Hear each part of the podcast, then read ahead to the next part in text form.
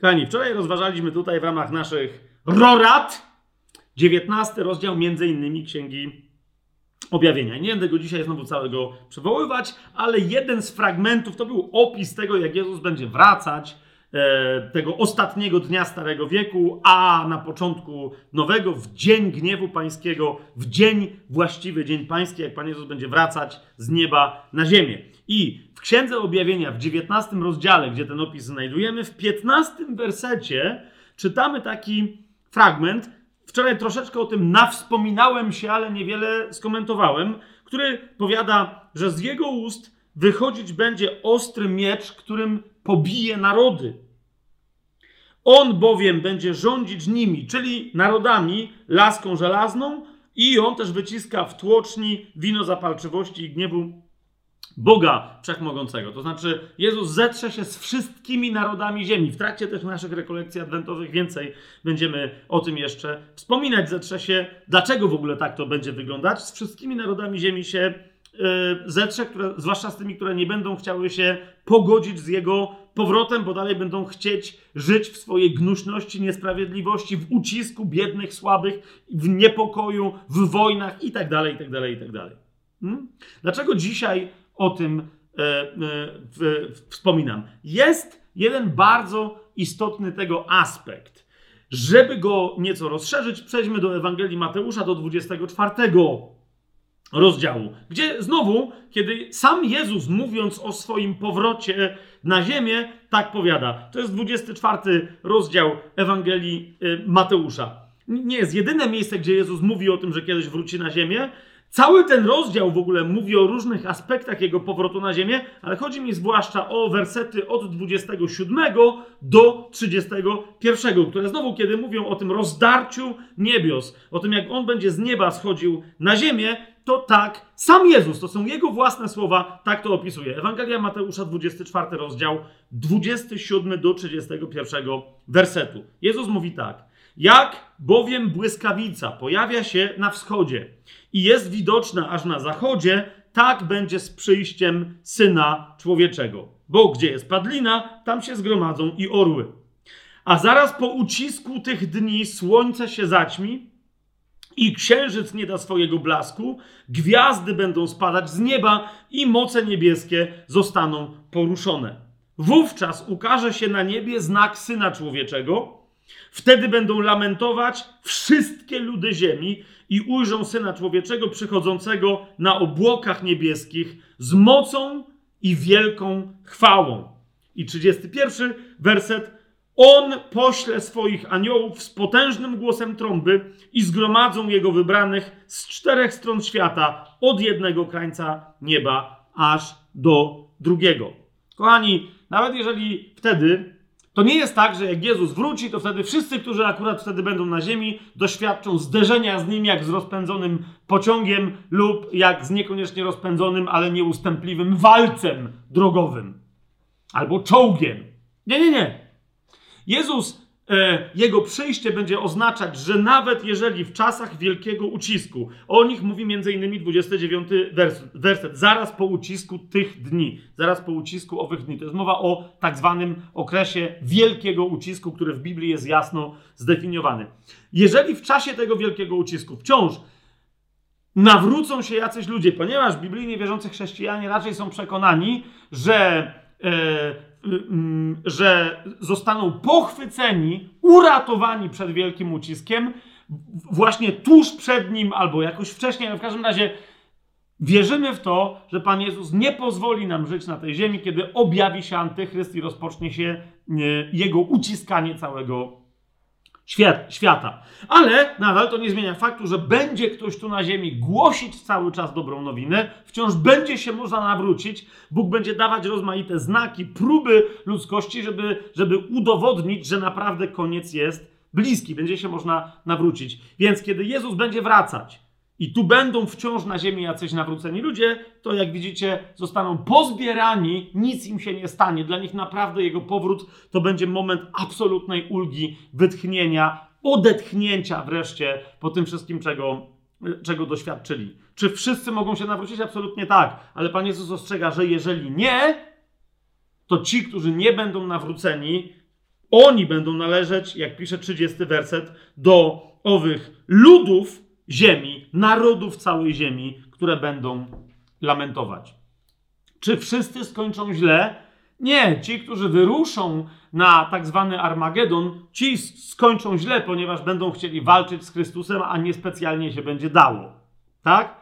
Później odbędzie się tak zwany sąd nad narodami i niektóre narody przejdą przez ten sąd i wejdą do królestwa. O tym też nie będziemy dzisiaj mówić. Dlaczego natomiast ja o tym wszystkim wspominam? Ponieważ, kochani, kiedy mówimy o powrocie Pana Jezusa na ziemię, to powinno zwłaszcza nas, chrześcijan, obudzić. Powinno nam przypomnieć o naszej odpowiedzialności, jaką mamy nie tylko wobec siebie nawzajem, wobec pojedynczych ludzi, którym głosimy Ewangelię, z którymi się spotykamy na co dzień, wobec których powinniśmy być świadkami zmartwychwstałego, ale o naszej odpowiedzialności wobec całych narodów. To dlatego Jezus, kiedy w Ewangelii Mateusza właśnie zostawił nam coś, co my nazywamy wielkim posłannictwem, w tym wielkim posłannictwie czytamy, to jest Ewangelia Mateusza, 28 rozdział, to jest Ewangelia Mateusza, 28 rozdział, 19 werset. Idźcie więc i nauczajcie wszystkie narody.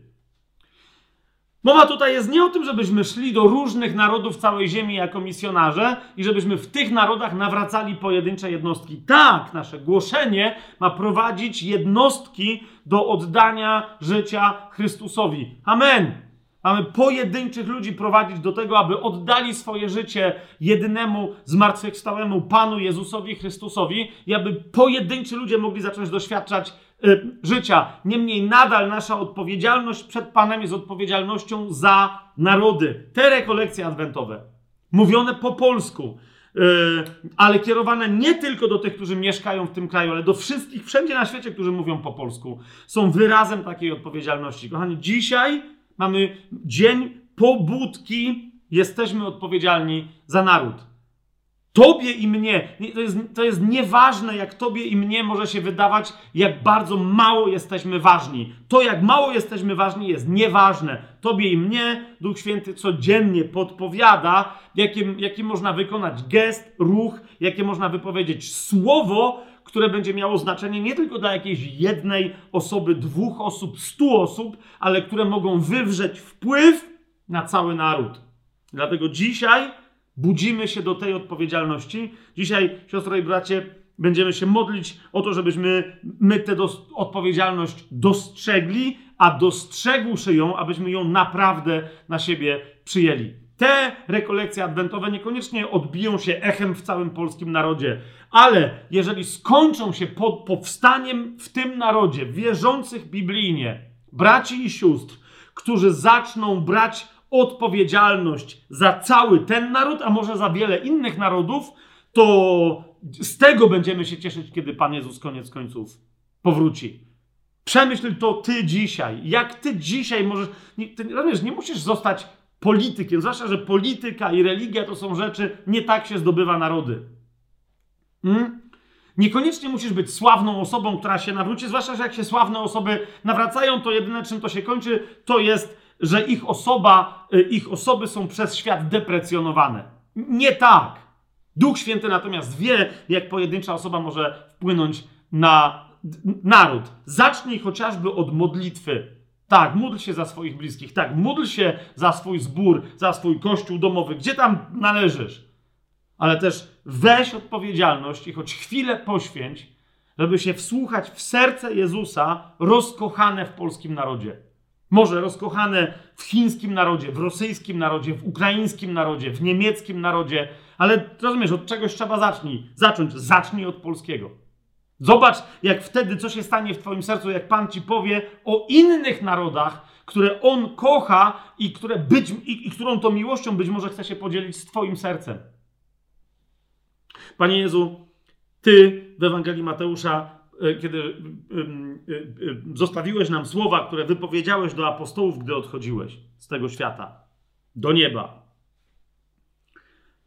Powiedziałeś, dana mi jest wszelka władza na niebie i na ziemi, a nam zostawiłeś posłannictwo. Idźcie więc i nauczajcie wszystkie narody. Panie, my chcemy iść jako ambasadorki i ambasadorzy Twojego miłosierdzia, ale też Twojej mocy, Twojej władzy, jako reprezentanci Twojego królestwa do narodów tej ziemi, aby nauczać te narody uczyć je przestrzegać, jak dalej mówisz w Ewangelii Mateusza w 28 rozdziale 20 wersecie, uczyć je przestrzegać wszystkiego tego, co Ty nam przykazałeś i czym my chcemy żyć.